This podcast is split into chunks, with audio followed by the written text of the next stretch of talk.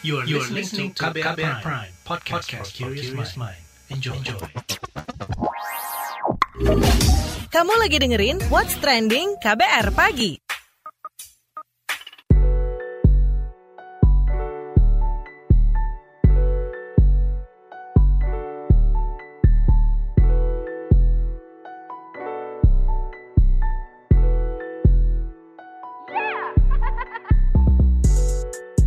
KBR Pagi, siaran pagi radio paling update. Selamat pagi, apa kabar Anda hari ini di hari Kamis 8 Juli 2021? Ketemu lagi dengan saya Don Brady di What's Trending KBR Pagi yang selalu ngobrolin hal-hal yang lagi ramai diperbincangkan.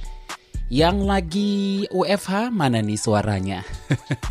yang masih harus WFO tetap semangat ya tetap jaga kesehatan dan stamina agar ya bisa jauh-jauh dari yang namanya virus yang mengganggu kita selama ini. Oke. Okay. Jadi beredar video inspeksi mendadak yang dilakukan Gubernur DKI Jakarta Anies Baswedan di salah satu kantor non-esensial di kawasan Sudirman, Jakarta selasa kemarin. Anies berharap agar nggak ada lagi nih pemilik dan petinggi perusahaan yang bisa bekerja dari rumah atau work from home dengan aman, sementara pekerjanya diharuskan pergi dari rumah, masuk kerja dan ambil resiko. Karenanya ia mengajak masyarakat melaporkan jika tempatnya bekerja masih mengharuskan masuk 100% meski bukan sektor esensial. Selain itu juga perusahaan yang masuk lebih dari 50% untuk sektor esensial. Pelaporan bisa dilakukan lewat jaki secara anonim dan kerahasiaan pelapor dijamin.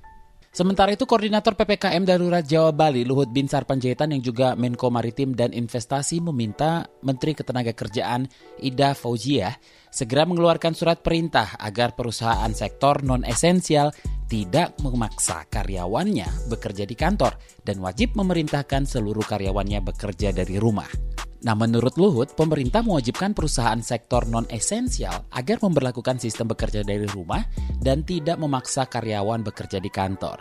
Ia juga menyarankan pekerja melapor ke Dinas Ketenagakerjaan jika dipecat dari pekerjaannya karena tidak kerja di kantor semasa PPKM darurat. Menteri Ketenagakerjaan Ida Faujiah meminta manajemen perusahaan dan pekerja buruh untuk mematuhi kebijakan pemerintah tentang pemberlakuan pembatasan kegiatan masyarakat atau PPKM darurat yang berlaku pada 3 hingga 20 Juli 2021 di Jawa dan Bali. Nah, gimana nih respon netizen plus 62? Kita dengarkan dulu yuk.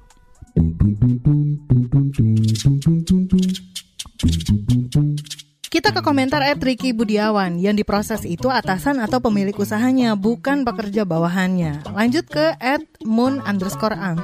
Kalau masih nggak nurut, publish aja nama perusahaannya biar pada kapok tuh sahamnya turun.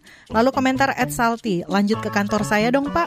Komentar at Andre Kelv, setiap hari ya pak sampai tanggal 20 Juli pekerja nggak akan bisa apa-apa pak kalau bosnya merintahin masuk. Emang kudu gubernur sih yang turun tangan, baru pengusahanya pada kicep. Lalu at David underscore Kiss 89. HRD dan karyawan masuk hanya ikut aturan. Bagian direksi lah yang punya keputusan. Direksinya ajak rumah sakit buat hukuman. Lalu komentar at MD underscore in. Marahin mah bosnya pak, karyawan atau HRD mah ngikut kebijakan Big Boss. Lalu komentar at tulang underscore godang. Sama pendemo dan kaum radikal yang melanggar prokes berani begitu nggak? Lalu etoleng, lanjut cabut aja izin usahanya. Komentar at get underscore lorem. Nggak bisa bos, peringatan dulu kalau diulangi baru deh ada tindakan lanjut. Dan terakhir komentar at Andi Rizky, yuk bisa yuk WFH aja. What's Trending KBR Pagi Balik lagi di What's Trending KBR Pagi bersama saya Don Brady. Jadi dalam inspeksi mendadak selasa kemarin, Gubernur DKI Jakarta Anies Baswedan menutup paksa sejumlah perusahaan non-esensial dan non-kritikal yang nekat memaksa karyawannya bekerja di kantor di masa pemberlakuan pembatasan kegiatan masyarakat darurat se-Jawa Bali. Berikut pernyataannya. Saya tadi mendatangi bersama dengan kepolisian, tim Dinas Tenaga Kerja, kantor-kantor di Gedung Pencakar Langit Jakarta. Di lantai 43, semuanya adalah orang-orang yang sangat terdidik dan kantornya bukan kantor yang termasuk esensial, bukan termasuk kritikal, tetapi semua tetap bekerja bukan saja melanggar peraturan, tapi tidak memikirkan keselamatan. Ada ibu hamil tetap bekerja. Saya sampai tegur tadi manajer human resource-nya. Seorang ibu yang menjadi manajer HRD, saya katakan harusnya seorang ibu lebih sensitif melindungi perempuan, melindungi ibu hamil. Tidak seharusnya mereka berangkat bekerja seperti ini. Kalau terpapar, komplikasinya tinggi dan pelanggaran yang dilakukan bukan sekedar pelanggaran atas peraturan yang dibuat oleh pemerintah, tapi ini adalah pelanggaran atas tanggung jawab kemanusiaan. Pekerjanya disuruh, disuruh untuk setiap hari ambil risiko. Itu adalah pemilik-pemilik perusahaan yang tidak bertanggung jawab.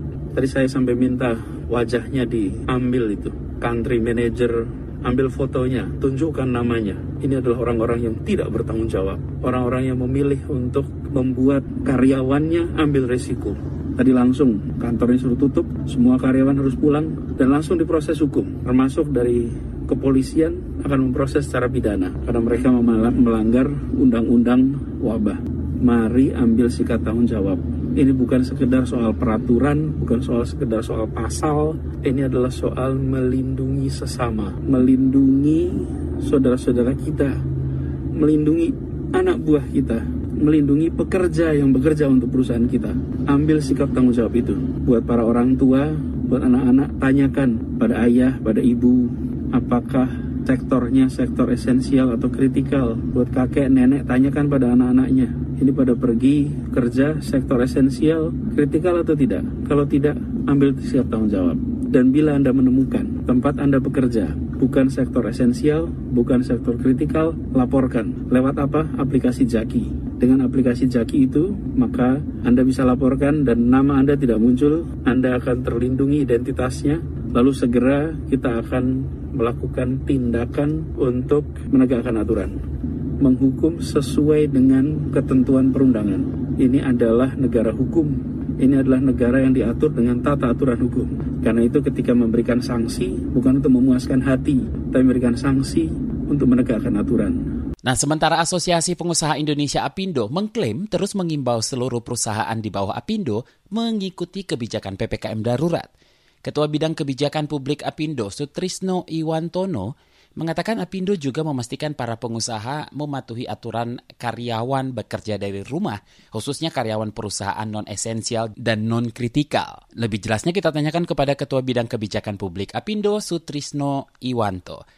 Pak Sutrisno, bagaimana tanggapan Anda terkait surat edaran yang meminta perusahaan mematuhi aturan pengetatan aktivitas di tempat kerja semasa PPKM darurat nih Pak? Ya pada intinya kan memang kita dalam kondisi yang pandemi ini sudah sulit ya.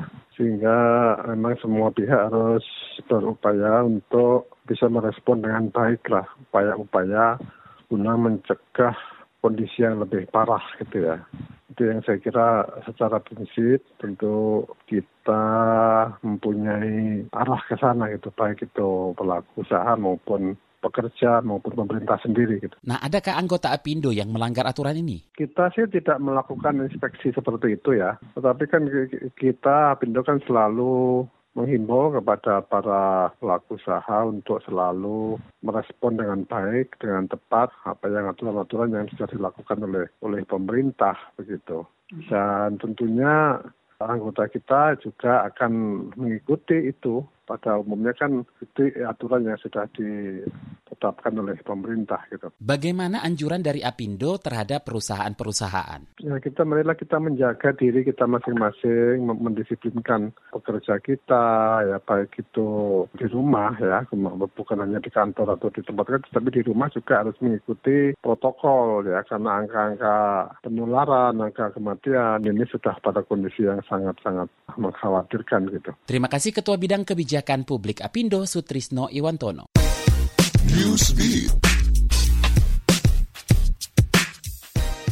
Sekitar 2.500 warga di India menjadi korban penipuan vaksin COVID-19 palsu berisi air garam. Dilansir CNN, pihak berwenang melaporkan setidaknya ada 12 pos vaksinasi palsu beroperasi di Mumbai dan wilayah sekitarnya di negara bagian Maharashtra. Pihak berwenang menyatakan komplotan vaksin palsu itu setidaknya telah meraup untung sebesar 28 ribu US dollar atau lebih dari 405 juta rupiah. Aparat telah menangkap 14 tersangka, termasuk di dalamnya dokter dan tenaga medis. Mereka didakwa pasal penipuan, percobaan pembunuhan, konspirasi kriminal, dan beberapa tuduhan lain. Pemerintah Jepang berencana menggelar pembukaan Olimpiade tanpa penonton untuk mencegah penularan virus corona. Sejumlah sumber mengatakan kepada surat kabar Asahi bahwa pemerintah Jepang sedang mempertimbangkan menggelar pembukaan Olimpiade tanpa penonton, kecuali tamu-tamu VIP seperti diplomat dan sponsor. Kasus COVID-19 di Tokyo dalam beberapa hari belakangan meningkat setelah pemerintah setempat melonggarkan aturan pencegahan corona bulan lalu. Pemerintah diperkirakan bakal memperpanjang pemberlakuan aturan pencegahan COVID-19 itu hingga Olimpiade pada 23 Juli. Perusahaan multinasional Google menghapus 9 aplikasi Android di aplikasi Play Store yang mencuri detail password pengguna media sosial Facebook. Pihak Google menegaskan mereka akan menarik aplikasi-aplikasi yang melakukan pelanggaran. Salah satu aplikasi yang dihapus adalah Horoscope Daily dan Rubbish Cleaner yang memiliki 5,8 juta pengunduh. Aplikasi ini menipu penggunanya dengan meminta login melalui aplikasi Facebook yang sebenarnya memuat JavaScript untuk membajak.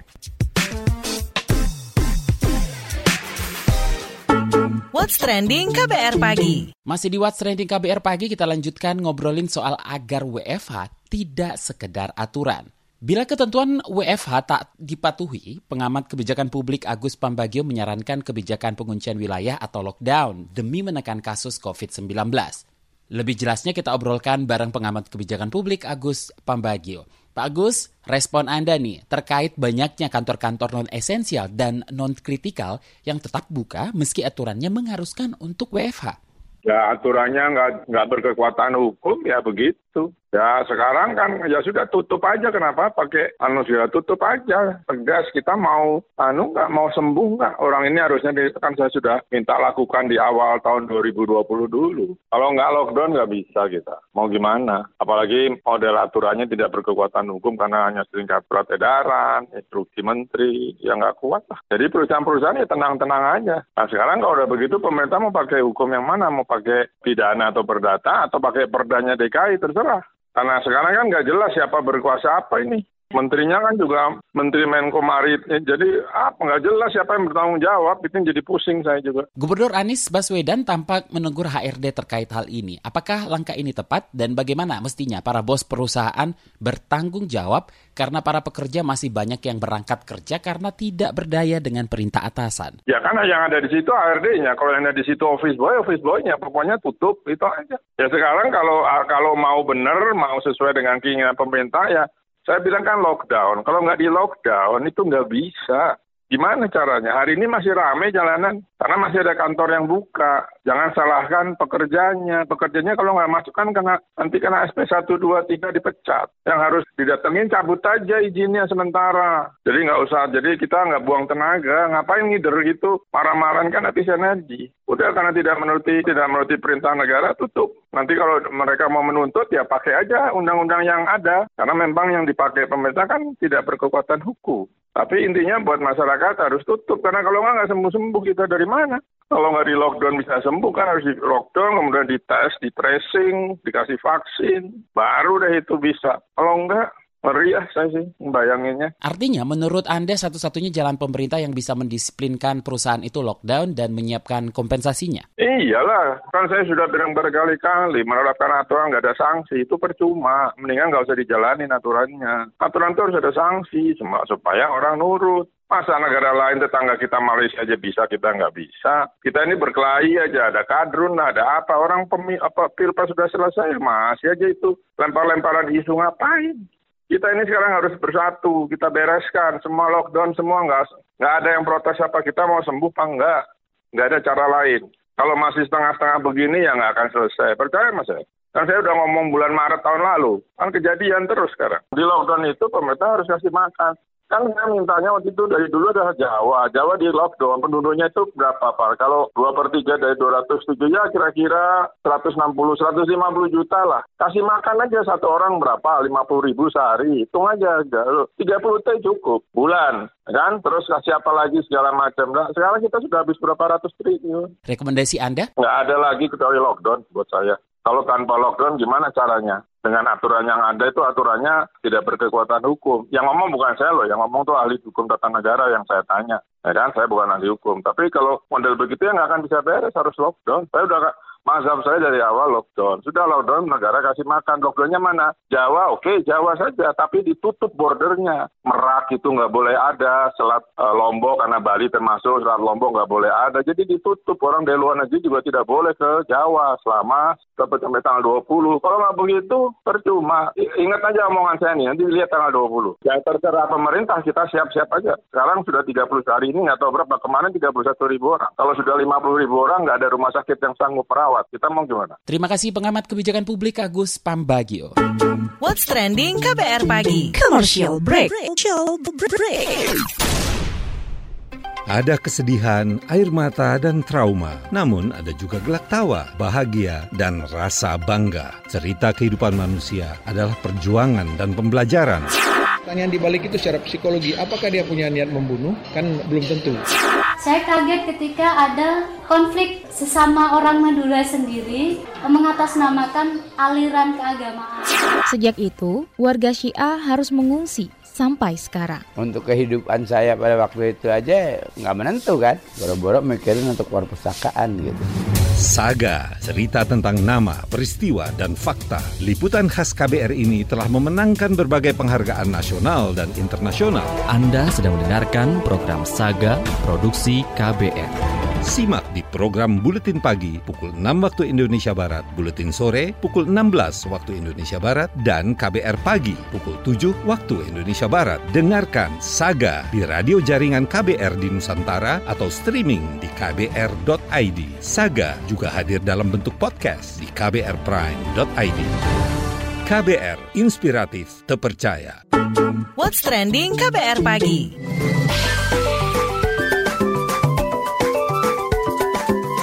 WhatsApp Indonesia. WhatsApp Indonesia dimulai dari Ambon.